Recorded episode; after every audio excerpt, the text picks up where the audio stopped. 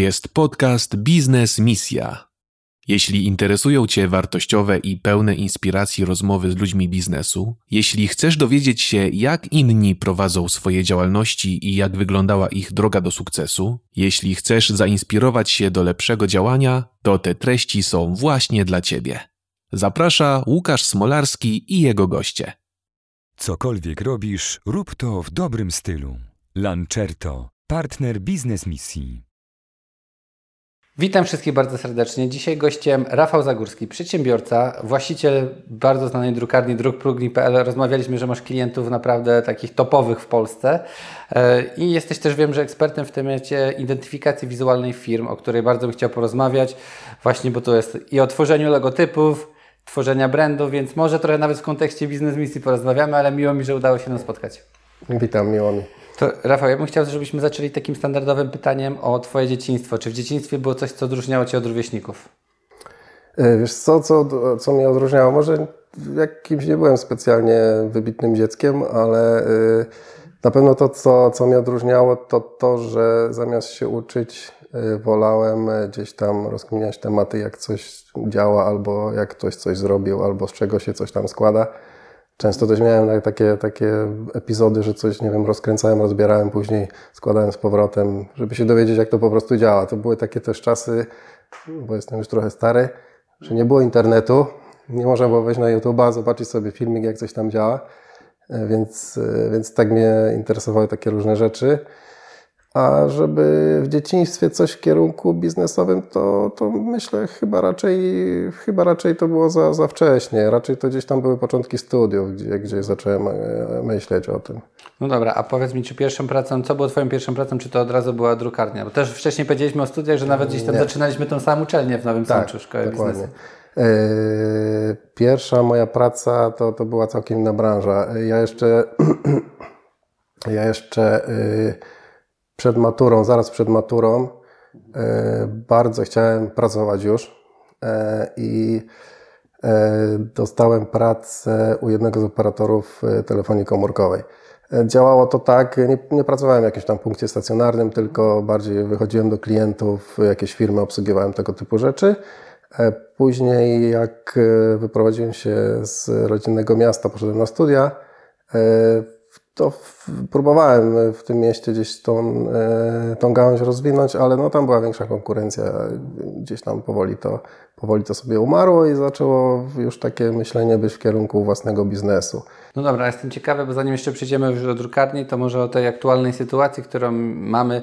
Jak w ogóle, bo tak od razu mi się nasuwa drukarnia, wiesz, COVID, czyli pandemia sprzed dwóch lat, że nagle wszystkie agencje, wszystkie jakby rzeczy zostały zamrożone. Jak to wygląda z Twojego punktu widzenia, bo obsługujesz też największych i czy jak ta, jak ta pandemia w ogóle zmieniła tą branżę według mnie, czy zmieniła i tak samo dzisiaj, co mamy tą wojnę, którą, która jest na wschodzie, czy, czy Ty widzisz też skutki? E, tak, no na pewno COVID bardzo zmienił tą branżę, no zresztą jak prawie każdą. E, ja pamiętam u nas, e, u nas w firmie to było chyba w kwietniu, dwa lata temu się ten cały szał covidowy rozpoczął chyba. No, Przyszedł taki dzień, że nagle przestały dzwonić telefony, nikt nie przyszedł, maile nie przychodziły, koledzy się zastanawiali, co się dzieje. E, I, i, i to był taki początek, e, no, początek zmian. E, no, wiadomo, ograniczenia sprzedaży naszych klientów przełożyły się na pieniądze, które oni wydawali na jakieś tam budżety reklamowe, no wiadomo, mniej się towaru sprzedawało, mniej instrukcji, wszyscy bardziej, bardziej poszli w kierunku internetu, no, zaczęły się zakupy internetowe, więc z kolei klienci nie potrzebowali tyle materiałów drukowanych. Mhm, no dobra, ale patrz, mamy teraz wojnę i codziennie, jak gdzieś nawet słyszę, że cena papieru rośnie tak, że z każdym dniem jest prawie droższa, że gdzie się nie pojedzie kupi ten papier, to już jest droższa, ale drugie tyle, że jeszcze go nie ma, że na przykład jak o dziewiątej jest, to o dziewiątej pięć go nie ma, nie? Tak, jak to no, w ogóle jest? Naj, najgorsza jest sytuacja y, w takich firmach, w takich drukarniach, między innymi też u nas, gdzie mamy dla jakiegoś klienta y, jakiś surowiec, na którym coś produkujemy, typu na przykład instrukcje, które klient wymaga, że muszą być na takim, na takim papierze. I do tej pory nie było żadnego problemu, bo zamawialiśmy sobie powiedzmy jakąś partię y, x ton i, i za miesiąc zamawialiśmy następną. W tym momencie jeśli uda nam się go w ogóle zamówić, to, to czas oczekiwania to jest kilka miesięcy. Więc no, Szok, często brakuje nie nam jesteśmy, papieru. brakuje nam papieru. Dwa, że celuloza jest tak droga, że te ceny papieru, mm, porównując na przykład jeszcze kilka miesięcy temu, jakiś tam standardowy papier offsetowy, już nie mówię jakimś tam kredowym czy, czy jakimś samoprzylepnym, z poziomu 2 zł z groszami za kilogram podrożało prawie do 9, no zbliża się do 10. To jest ile prawie? Więc to jest y, czterokrotność. Tak, y, 400% tak. i sprzed pandemii można by tak porównać, czy to jeszcze E, wzrosło? Nawet później, nawet później. Przed pandemią e, jeszcze był tańszy, ale, te, ale to też e, przed pandemią te ceny były stabilne. Czyli powiedzmy mogę sobie pozwolić, że wycenię Ci coś dzisiaj, e, dojdziemy do porozumienia za miesiąc, bo tam jakiś projekt, Ty się zastanowisz i tak dalej i ta cena będzie aktualna. Na dzień dzisiejszy nam jest ciężko klientowi zrobić wycenę e, za tydzień. Szok, że w papieru, no taka podstawowa rzecz, że nikt by nie przypuszczał, że papier, jak mówisz, czyli papier zdroża ponad 400%. A jak myślisz, masz jakieś takie prognozy, czy ten papier dalej będzie rósł, czy jest szansa, że się ustabilizuje, spadnie? Jak ty to w ogóle no, myślisz jako Ciężko, ciężko powiedzieć, bo to jest taka trochę loteria. Yy, Gdzieś tam jakieś papiernie się pozamykały, inne się potwierały. Gdzieś tam ten A rynek. z czego wynika taki wzrost ceny? No tak jak sobie myślę, no nie wiem. yy, W innych myślę, branżach że nie ma takiego wzrostu. No. Aż takiego chyba nie. No, w budowlance jest wzrost, ale chyba nie aż taki. 100% pewnie. Tak, tak. Duża część papieru była importowana z Chin, yy, bo niektóre firmy no, jednak drukowały na tym chińskim papierze. Yy, Jakoś ten import yy, teraz w ostatnich czasach niestety się zmienił. Dwa, ceny tego transportu też poszły dużo do góry. No, celuloza ponoć osiągnęła taką cenę, gdzie najstarsi nie pamiętają, że kiedyś taka była. Plus do tego chyba jakoś, nie wiem, ja tam e, nie chcę jakiejś teorii e, tworzyć, ale wydaje mi się, że to też jest gdzieś tam sztucznie trochę nakręcane, bo no nie wydaje mi się, że w, ciągu tam czterech miesięcy czasu te, te koszty wszystkie, wiadomo, no prąd e, robi swoje, no jednak taka fabryka trochę pożera energii. No ale to wiesz, mamy w każdej branży. Nie? Ale w każdej branży tego prądu się tak zużywa, więc no, no to jest, to jest no, na tą chwilę tak naprawdę no, wielki problem. E, Rotujemy się jak możemy, klienci No właśnie, zmieniają jak ty, tak sobie surowiec. myślę, jak ty to robisz? Szukasz innego surowca, no bo dzisiaj ktoś przychodzi, a ty nie jesteś da- w stanie dać wyceny, tak jak mówisz, tak? No dokładnie, no dajemy wycenę, no nie wiem, na, na tydzień czy na dwa tygodnie. Jeśli akurat powiedzmy mamy ten surowiec u siebie na magazynie, czy nawet u dostawcy na magazynie, wiemy, że on będzie jeszcze w takiej cenie, to możemy klientowi taką cenę zaproponować, ale no jeśli my go musimy zamówić, yy, dostawca musi zamówić w fabryce, to tak naprawdę nie wiadomo, dojedzie on za dwa tygodnie, ale w jakiej cenie, to on tak naprawdę nie jest też w stanie powiedzieć. Przerażające, jeszcze zaraz tak. o tym, o, o, o tym porozmawiamy, ale też bym chciał zacząć trochę odnośnie e, Twojej identyfikacji, tematu tej identyfikacji wizualnej firmy, logotypu, tworzenie brandu, bo wiem, że już 14 lat ponad masz doświadczenia w tym temacie i chciałbym Cię zapytać, od czego możemy zacząć taki proces, dlaczego w ogóle warto się tym zająć, od czego byś polecił? Na przykład, możemy to od razu przejść na jakimś przykładzie firmy. E, To znaczy, wiesz co, to, to, to zaczęło się w zasadzie jak, e, jak już e, działała drukarnia. Pojawiali się klienci, którzy e, do nas przychodzili i, i gdzieś tam taką potrzebę albo zgłaszali, albo e, przychodzili do nas, e, zamawiali jakieś materiały, opracowali sobie jakieś tam jakieś logo, przychodzili za miesiąc, już mieli to logo inne. E, I zaczęliśmy jakby uświadamiać, no, że ten powiedzmy proces e, identyfikacji no, jest dosyć istotny, e, jeśli gdzieś tam tą markę s- chcą budować. No, nie wiem, nie wyobrażam sobie jakby dzisiaj na przykład Coca-Cola zmieniła logo, prawda? Albo nagle miała żółte etykiety. No, wszyscy by się zastanawiali w sklepie, czy to na pewno kupić, bo nie wiadomo co tam jest. E, Więc no, klienci gdzieś tam powoli zaczęli ten temat e, rozumieć i, i, faktycznie no, gdzieś to, gdzieś to zaczęło, zaczęło funkcjonować od, od jakichś tam e, logotypów poprzez tą identyfikację, dlaczego ona powinna być spójna, poprzez jakieś tam budowanie marki. To nie były jakieś tam może wielkie marki, ale no każdy, no nie wiem, nawet jakiś tam porządny hydraulik z marką osobistą naprawdę potrafi zrobić więcej niż jakiś pan, który, nie wiem, co, co miesiąc zmienia sobie na przykład logo, bo, bo nie wiem, zobaczył w telewizji, mu się spodobało, albo w internecie coś tam sobie wyszukał, nie? więc, więc no, no, to jest dosyć istotna sprawa. A co myślisz w takim razie o logo biznes misji? E, co myślę o logo Business Mixi? No wiesz, to twoja marka już jest rozwinięta na tyle, e, że to logo masz rozpoznawalne. E, tutaj bez dwóch zdań, no to, to działa i chyba, chyba to czujesz i wiesz. E, więc, e, więc jak najbardziej Cieszę się, to jest kuzyn, kuzyna pomysł, wiesz, Mhm. chciał on zmienić nawet po jakimś czasie, że nie, że to już jest mało profesjonalne, ale ja się oparłem, Że zostawiamy. Konsekwencja, tak, dokładnie. Mhm. A powiedz mi, no to na przykładzie, na przykład otwieram pensjonat, domek dla turystów na przykład i przekonaj mnie, dlaczego potrzebuję takiej identyfik- identyfikacji wizualnej i jakby to miało wyglądać, czyli zgłaszam się do Ciebie, mówię, że chcę otworzyć domek, tak? Znaczy identyfikacja wizualna. Identyfikacja wizualna to może jakby jest element y, te, tego całego brandu, powiedzmy, który ty zbudujesz y, przy tym hotelu, czy domkach, czy pensjonacie. Y, Więc to jest jakiś tam etap, czy, czy jeden z elementów. No przede wszystkim musiałbyś sobie odpowiedzieć na pytanie, jakiego ty klienta szukasz, kto jest twoim klientem, bo, bo no wbrew pozorom klientem twoim nie są wszyscy, którzy chcą się przespać w pensjonacie czy w domku bo, bo tych domków jest setki i, i to nie jest Twój klient. Yy, No i niestety, ale konkurencja w dzisiejszych czasach jest tak duża, że no, trzeba by sobie znaleźć e, jakąś coś, coś wow, jakąś cechę, czym się będziesz wyróżniał. E, No i w tej budowaniu marki postawić właśnie na tą cechę.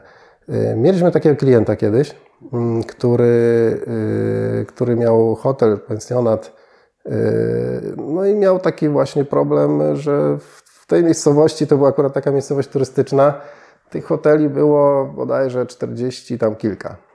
Nawet chyba wszystkie na tej samej ulicy. E, Facet miał problem, no jak tych klientów ściągnąć. E, Kilka razy rozmawialiśmy, jakieś materiały dla niego przygotowaliśmy i przy którejś rozmowie właśnie próbowaliśmy go nakierować na to, żeby sobie spróbował e, mm, znaleźć e, albo po prostu zapytać tych klientów, e, co oni tak naprawdę oczekują, bo często nam się wydaje, że ten klient na przykład chce coś kupić u nas, nie wiem, za niską cenę, a on wcale nie chce kupić tego za niską cenę, tylko on to na przykład chce, nie wiem, dostać szybko, albo na czas, albo, albo coś całkiem innego. Okazało się, że większość klientów e, skarżyła się, że doby hotelowe za szybko się kończą.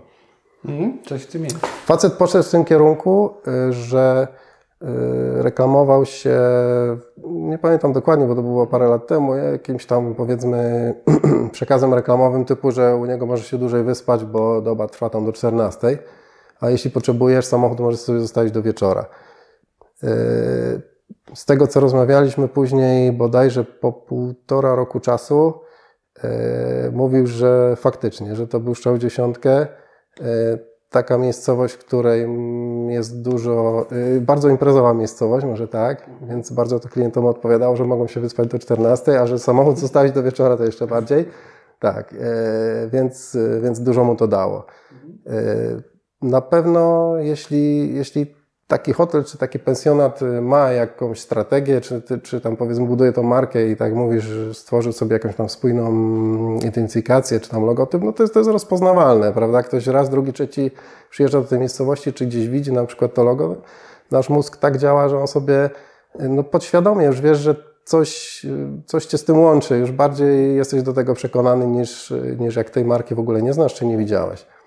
E, Więc, więc no to działa. No. No, tak jesteśmy skonstruowani, że to jakoś działa na nas. Łapiemy się na, na każdym kroku gdzieś tam na jakieś takie przekazy, więc Przekonać mnie, jakbym otwierał taki domek, to właśnie dobrze logo biznes misji gdzieś dać, nie? Już ktoś będzie Dokładnie. kojarzył. Już wiem, gdzie go zlecę. Dobra, a powiedz mi, chcę zaprojektować logo i czy dzisiaj, czy w ogóle logo, jest jakaś moda na logo, czy są jakieś takie standardy, jak ono dzisiaj powinno wyglądać, bo ja tak kojarzę z internetu jako informatyk, że gdzieś było, że najpierw były strony, że po lewej stronie to się gdzieś oko przyciąga, te badania i tak dalej. Jak to jest w ogóle z logiem?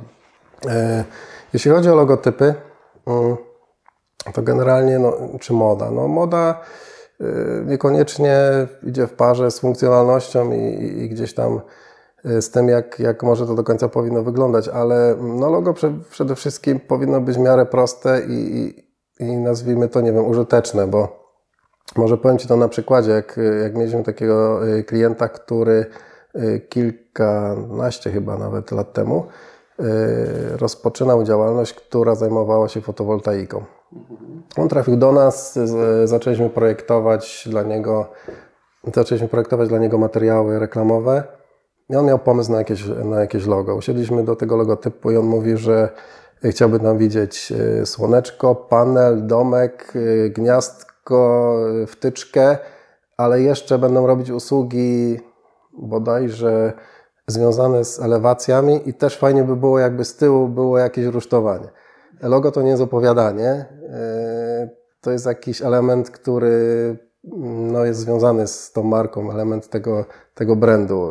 No, próbowaliśmy go przekonać, że to logo nie może tak wyglądać, za bardzo się nie da przekonać. Po chyba tygodniu stwierdził, że no, w sumie to mamy rację, żebyśmy przygotowali prosty logotyp, który naszym zdaniem będzie pasował do jego firmy. Yy, przygotowaliśmy ten logotyp. Yy, początkowo był zadowolony, za jakiś czas się odezwał, yy, stwierdził, że jego żonie się to nie podoba, bo to logotyp nic nie mówi. E, no logotyp nie zawsze musi coś mówić. Powiedzmy, no niektóre faktycznie no, branżowo są powiązane z tą firmą, ale no logotyp, nie wiem, no powiedzmy logotyp Nike, czy logotyp Nike mówi, czy ta firma się zajmuje, no nie do końca. Czy Coca-Cola. Czy Coca-Cola też za bardzo nie mówi. Więc no, nie do końca to jest prawda, że logotyp to musi opowiadać o wszystkim, co, co ja robię. A poza tym logotyp musi być uniwersalny. Powiedzmy, że ten pan zostałby przy tej swojej wersji tego swojego opowiadanka. E, później dochodzą takie momenty, kiedy on stwierdza, że chce zrobić sobie e, hapt na czapeczce, nadruk na kurtce, grawer na kubku to logo musi być na tyle uniwersalne, żeby nie było później z tym problemu. E, no to powiedz mi, e, Rafał, w takim razie, jak możemy wyróżnić się na tle konkurencji? E, więc no na pewno tak jak gdzieś tam wcześniej wspominaliśmy, trzeba było sobie znaleźć coś, w czym faktycznie jesteś dobry i tego się trzymać. Nie robić wszystkiego dla wszystkich, bo to nie ma sensu i narobisz się, a tak naprawdę nic z tego nie będzie. No, znajdź sobie jakąś rzecz, której której jesteś dobry i, i to po prostu rób dobrze. I klienci to naprawdę docenią. E, dwa, e, na pewno trzymać się jakiejś tam spójnej identyfikacji wizualnej, bo mimo wszystko wydaje się, że, że to nie ma jakiegoś znaczenia, ale no, wyobraź sobie na przykład, e, otwierasz gazetę i widzisz reklamę, na której jest fioletowa strona i na środku jest nieobrędowana tabliczka czekolady. Czyja jest ta czekolada? Od razu wiadomo czyja. E, tak, gdyby, gdyby ta firma zmieniła nagle kolor z fioletowego na żółty, to ludzie by nie mieli pojęcia, co to za reklama. Więc no, ten spójny wizerunek y, przynosi efekty. Y, nie wiem, y, powiedzmy, zobaczysz na ulicy rozbitą butelkę Coca-Coli bez etykiety. Od razu będziesz wiedział, że to jest butelka z Coca-Coli. Ponieważ oni sobie wyznaczyli jakiś tam kształt, jakąś formę tej butelki i tego się trzymają. Mhm. Więc to też jest jakiś wyróżnik. Ważne są też e, doznania klienta, mhm. czyli jakieś opakowanie, jeśli sprzedajesz jakiś produkt, e, jeśli na przykład robisz katalogi produktowe, warto, żeby ten katalog wyglądał w miarę porządnie, trzymał się mm, kupy, mhm. ponieważ klienci bardzo często utożsamiają sobie czy instrukcję, czy katalog y, z tym produktem, który później docelowo kupują. Jeśli oni wezmą do ręki katalog i on się rozleci przy oglądaniu, y, to sobie zazwyczaj y, gdzieś tam podświadomie myśli, że no ten produkt też nie może być jakiejś fajnej jakości, bo jak już się katalog rozleciał, to pewnie tam to też się może rozlecieć. Mhm. Więc takie, takie rzeczy, na takie rzeczy zwracałbym uwagę wiadomo, że, że gdzieś tam każdy na tych materiałach reklamowych e, też próbuje zaoszczędzić, bo, bo liczy się każdy, każdy grosz, ale, ale w niektórych przypadkach no, trzeba to zrobić porządnie. Niekoniecznie drogo, ale naprawdę porządnie. A powiedz mi w takim razie, to wracając do, już do biznesu Twojego, co spowodowało, że rozwinąłeś się na skalę międzynarodową? Bo trochę mi się często kojarzą, wiesz, drukarnie takie, że gdzieś na osiedlu była jakaś mała, tam wiesz, jedno czy dwuosobowa albo biznes mały, rodzinny i gdzieś to tak sobie tam ciągnęło się, ale jednak no, rozrastasz się, robisz też dla naprawdę no, największych e, gigantów e, różne usługi. Wiesz co, no ja też gdzieś zaczynałem tak naprawdę z, z moją firmą w mieszkaniu. e, gdzie, gdzie, gdzie w sypialni, żeby, żeby się położyć spać, trzeba było ominąć gilotynę do cięcia papieru i, i powalczyć ze stertą papieru, który czekał na zadrukowanie, więc no takie jakieś były początki. Yy, później, później gdzieś jakiś tam pierwszy, drugi, trzeci wynajmowany lokal. Yy, później dopiero gdzieś tam zaczęła się inwestycja w, w kierunku budowy firmy, bo tego miejsca zawsze jest mało. Generalnie my jako tako gdzieś tam się, nie wiem, za bardzo nie reklamujemy, jeśli chodzi o rynek międzynarodowy to bardziej, bardziej w ostatnim czasie y, te korporacje czy firmy międzynarodowe zgłaszają się do nas z informacją, że dostały taki kontakt od swojego dostawcy jakiegoś tam komponentu na przykład i chcą z nami spróbować współpracy, ponieważ oni są zadowoleni na przykład. Y, więc to, to bardziej tak, y, tak działało, więc to raczej, raczej z polecenia. Jeśli jedna firma jest zadowolona, to, to polecicie drugiej, tak, trzeciej i to już się robi wtedy łańcuszek. No dobra, ale to jestem ciekawy, tak jak dużo widzów, ile na przykład dzisiaj jest wart Twój park maszynowy? E, wiesz co, ciężko mi podawać jakieś dokładne kwoty, ale e, myślę, że, że rzędu kilkunastu, może kilkudziesięciu milionów złotych.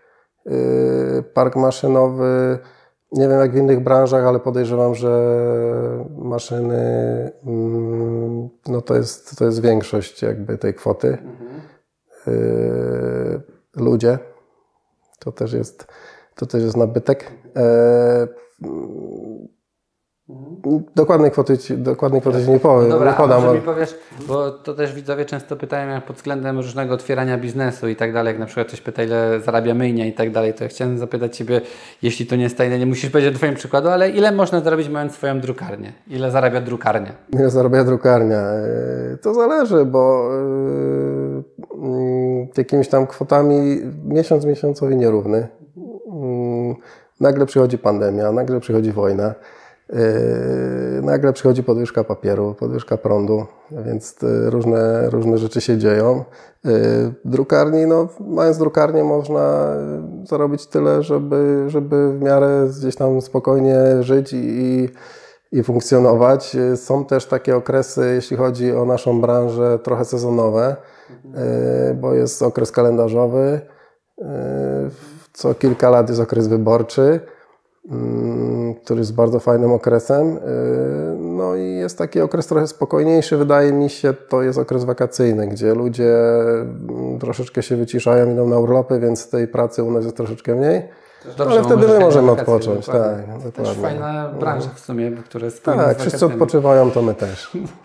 No wszyscy jak wszyscy, jest dużo właśnie to niestety, nie? A już nie mówiąc o turystyce, gdzie masz to tak. obłożenie. Tak, ale A. wtedy mogą na przykład pojechać do domku gdzieś tam no, sobie odpocząć nad jeziora. Nie? To prawda. Jeśli chodzi o branżę jeszcze poligraficzną, to to też w sumie pytanie powinienem na początku, ale też wielu widzów pyta, czy w ogóle ta branża poligraficzna umrze i zostaniemy tylko z cyfrowym papierem, bo dużo, dużo się mówi o tym zero waste, wiesz, że jednak trochę jak pytałem widzów przed, no to mówią, że to już taki biznes może być schyłkowy, nie? że to się mówi, że zanikający, bo jednak przechodzimy do wiesz, e-booków i tak dalej. Jak to wygląda z Twojej strony?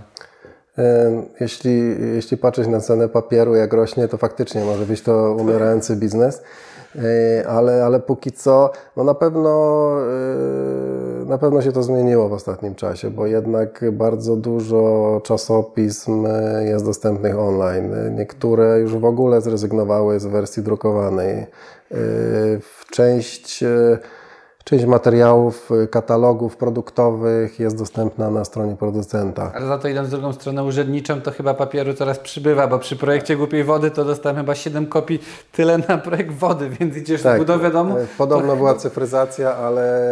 No nie widać naprawdę. Nie widać tego. Tak, to nie chyba widać. tutaj jakby to, co zabiera inny rynek, to urzędnicy dodają. -huh. To jest też trochę smutne, bo patrząc po, to, po co ten papier takiemu przeciętnemu Kowalskiemu, nie? że używajmy tego papieru, gdzie to jest potrzebne, nie? ale jak ty no, tak, to wiadomo, masz mieć piwnicę katalogu i musisz trzymać, to... Mhm. I tam ileś lat trzeba to mieć, bo jak przyjdzie jakiś tam pan na kontrol, to musisz to wyciągnąć, znaleźć. przykład, nie? No, no to, jest takie... no, to jest takie trochę sztuczne. No ale nie wygląda, żeby ta branża jednak zanikła. Może nie do końca zaniknie. No wiadomo, że ona w jakimś, w jakimś stopniu jest na pewno ograniczona przez tą cyfryzację. By przyszedł COVID, przedstawiciele nie jeździli do, do, do klientów, więc tak naprawdę produkcja katalogów, jeśli chodzi o naszą firmę, spadła o, z tego co pamiętam, około 70%. To jest bardzo duży spadek. No, wizytówki też, bo ich nie rozdawali, bo nie jeździli. Towarów w niektórych branżach sprzedawało się mniej, bo ludzie jednak no, czuli jakieś niepewne czasy, więc kupujemy tylko to, co jest potrzebne. Wstrzymujemy się z, nie wiem, z meblami, z wymianą itd., tak itd. I to też, to też było widać. Później, w późniejszym czasie, jak już ludzie długo siedzieli w domach, na kwarantannach i tych innych dziwnych wynalazkach, no to już no coś musimy zrobić, nie wiem, zrobimy jednak ten remont, wymienimy gdzieś tam rolety czy coś innego i faktycznie y, to był chyba, chyba połowa, to była chyba połowa zeszłego roku. Y, zaczęło być widać, że tych produktów do remontu, wyposażenia mieszkań po ilości zapotrzebowania na instrukcje z miesiąca na miesiąc było coraz więcej.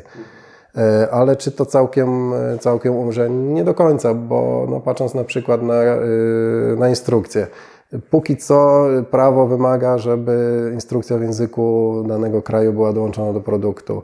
E, więc jeśli. To jest ciekawe, właśnie teraz mi przypomniałeś, że na przykład przy mhm. zmianie telewizora czy coś jak miałem, dostajesz książkę, która ma wszystkie języki, tam przynajmniej tak. nie wiem, na Europę. I to też, też... Tak, bo dlatego ma wszystkie języki, bo Taniej jest zrobić milion katalogów takich samych, gdzie masz wszystkie języki, niż zrobić po 300 tysięcy w każdym języku.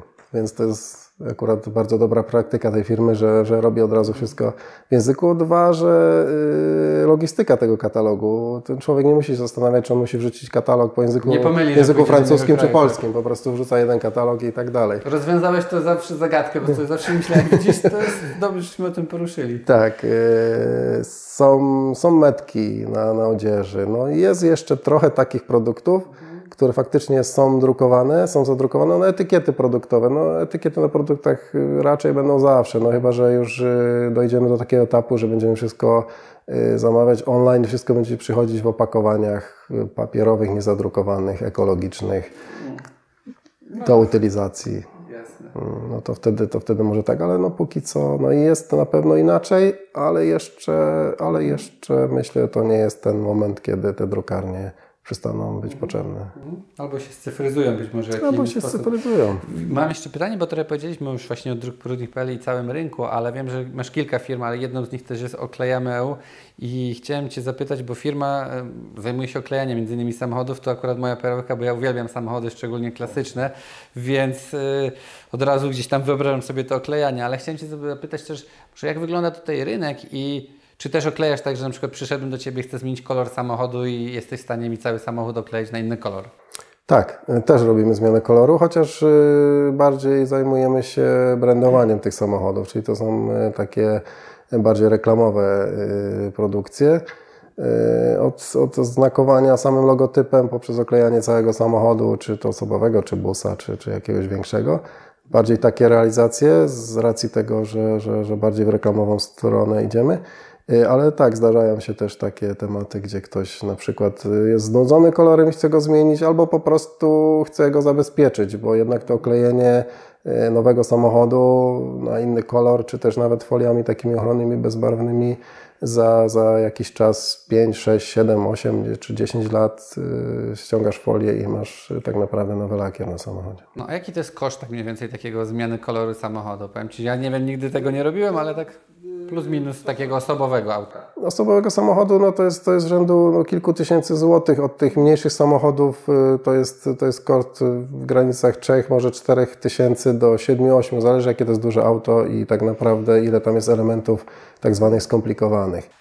To powiedz mi, bo powiedzieliśmy o tym oklejaniu tutaj naprawdę mógłbym pewnie godzinami samochody, pewnie byśmy porozmawiamy później, ale no wiem, że to jest też część drukarni, ale ma, jakbyś mi powiedział o Twoich innych biznesach, bo wiem właśnie jeszcze o, o jednym, ale może powiedz, co jeszcze masz, bo jesteś przedsiębiorcą jakby no, w kilku dziedzinach, tak? Tak, no poza drukarnią i, i, i, i i oklejaniem, tak jak wspomniałeś. Oklejanie to też trochę wynika z, z tej działalności drukarni, bo to jest jakby powiązane. No, fajnie też w tej branży mieć jakieś tam swoje zapecze, mm, na którym można y, polegać. Y, oprócz tego Mamy brand kawowy. Mhm. No właśnie jest, mamy kawę. Tak, kawacraft.pl. Ta, ta marka powstała też w zasadzie przypadkowo poprzez jednego z naszych klientów, który, z którym współpracowaliśmy kilka lat temu. Pomogliśmy mu kilka razy E, kilka razy stwierdził, że uratowaliśmy mu życie i, i, gdzieś tam próbował się nam odwdzięczyć. E, zaczęliśmy tematy kawowe, on nam opowiedział, jak to robić, e, czym robić. To był człowiek, jest człowiek, który współpracuje z plantacjami na całym świecie, ma też kilka swoich plantacji. No my w tej chwili mamy kawę z Brazylii, mamy z Peru i z Dominikany. Mm, są to trzy różne, całkiem inne całkiem inne rodzaje kawy. Y, zobaczymy, zobaczymy jak to będzie. Na, na, razie, y, na razie fajnie się to dosyć rozwija. To jest rynek bardzo, bardzo ciężki, bardzo duża konkurencja, ale to jest taka kawa kraftowa. My, my bardzo dużo pracowaliśmy nad tym, żeby ona była taka, jaka jest. Mamy jeszcze taką jedną markę, to są fotokalendarze. W zasadzie, w zasadzie być może, że któryś z Twoich widzów będzie zainteresowany, bo ta marka jest na sprzedaż. E, dlaczego jest na sprzedaż? Dlatego, że to jest typowa marka dla klientów indywidualnych. To jest e, system do sprzedaży fotokalendarzy, który ma swoją domenę, stronę internetową. Działa już od kilku, czy nawet kilkunastu lat, więc, więc gdzieś tam w internecie jest już mocno wsadzony. Działa to na takiej zasadzie, że zamawiasz sobie nawet jedną sztukę kalendarza, do którego y, wrzucasz swoje zdjęcia. Wchodzisz na stronę, wrzucasz 12 zdjęć i dostajesz kalendarz. W każdym miesiącu masz swoje zdjęcie. My jak zaczynaliśmy z tą marką, bardziej jakby kierowaliśmy się na to, że to jest sezonowy biznes, no bo wiadomo, kalendarze zamawia się na, na koniec roku. I faktycznie na początku tak było ale później okazało się, że bardzo fajną okazją są zdjęcia z wakacji, z, z jakichś innych imprez, czy na przykład no, walentynki, czy na przykład współpracujemy z bardzo dużą ilością zakładów fotograficznych. Mm, oni dorzucają po prostu do zdjęć ślubnych e, taki kalendarz. E, Dzień Babci to jest chyba nawet lepszy okres niż, e, niż końcówka roku. Tych kalendarzy jest naprawdę wtedy mnóstwo. No taki, taki fajny gadżet. Czyli jest na sprzedaż. Można jest na sprzedaż, tak, bo my jakby z racji tego, że to jest do klienta indywidualnego, my troszeczkę ukierowaliśmy się na, na bardziej B2B e, i, i stwierdziliśmy, że no z żalem, ale ale Trzeba trochę się, rozstać, tak. jasne. Mhm. A powiedz mi, bo no, biznes misja to też biznes i jak y, rozmawiamy o biznesie, to też są inwestycje. Chciałem Cię zapytać, w co Ty w ogóle inwestujesz, w co według Ciebie warto inwestować? Co inwestować? W dzisiejszych czasach to ciężko, w dzisiejszych czasach to ciężko powiedzieć, co inwestować. No, ja staram się e, tak troszkę dywersyfikować te inwestycje, troszkę, troszkę jakieś nieruchomości. Tych inwestycji nie ma jakoś nie wiadomo ile, ale, ale gdzieś tam próbować nieruchomości, troszkę, troszkę próbuję jakiś rynek akcji, chociaż to jest dla mnie czarna magia i, i tutaj na pewno naprawdę jakaś edukacja jest potrzebna, żeby, żeby z głową to zrobić. Yy, troszkę, troszkę złota jakby na, na zatrzymanie spadku wartości tego pieniądza. No bo właśnie to było jedno z tych pytań właśnie o tą inflację. Jak dzisiaj tak, tak, tak. inflację, bo no, tak no, powiedziałeś, nie mówiąc papier to chyba najwyższy przykład, jaki do dzisiaj e, się dowiedziałem. Gdybym wiedział, gdybym wiedział, to, to, to bym sprzedał nieruchomości i kupił papier pół roku temu. Mm, no i tak, y, więc to, to by był złoty strzał, ale no, no tak z tą inflacją. No myślę, że, że nieruchomości, jeśli ktoś faktycznie ma jakiś tam kapitał, jeśli ktoś ma troszeczkę tych pieniędzy mniej i gdzieś tam lub w nieruchomości z innego powodu nie chce wchodzić, to, to choćby nawet za, na zatrzymanie tej inflacji, no myślę, że, że jakieś tam złoto, srebro to, to są takie rzeczy, które no może na tym się nie zarobi, ale się nie straci. No, co jeszcze można inwestować? Myślę, że, że, że jest kilka takich rzeczy, choćby y, choćby klasyki samochodowe, które... No ja uwielbiam, tak. Tak. Ja myślę, że to jest bardzo to dobra jest inwestycja. dobra tak. inwestycja, naprawdę. To znaczy ja zawsze powtarzam, że chyba nie ma lepszej, jeśli ktoś lubi samochody inwestycji. Tak, jeśli ktoś bo, lubi samochody, bo to wiesz, tak. jak kupisz sobie działkę, nieruchomość, no to nawet jak ona ci zarabia, no to gdzieś tam ktoś wynajmuje, nie? A ty masz samochód, Tak. idziesz do garażu i kiedy chcesz go przypalasz i jedziesz, cieszysz się, nie? Korzystasz Dokładnie. z tego Mhm, mhm. naprawdę, a jeszcze cena ci rośnie, nie? Cena Więc rośnie, naprawdę... Mhm. No i wiesz, można kupić auta za 10-15 tysięcy, które już się tam stają klasykami, więc to jest Tak. też e, fajny rynek. No ja, ja na przykład lubię, więc Tak, i to też jest bardzo fajna inwestycja. Mhm. to prawie kończąc mam takie, takie standardowe pytanie o książkę. Czy masz jakąś książkę, którą poleciłbyś naszym widzom? E, Jest taka książka, która ma tytuł Za darmo. E, tak, i to jest, to jest e, pozycja, która mówi o tym, jak zarobić na tym, co rozdaje się za darmo. Bardzo fajna książka. Wbrew pozorom, na tych darmowych rzeczach można naprawdę wiele zarobić. To Rafał, e, prawie kończąc, czy jest coś, co chciałbyś przekazać naszym widzom?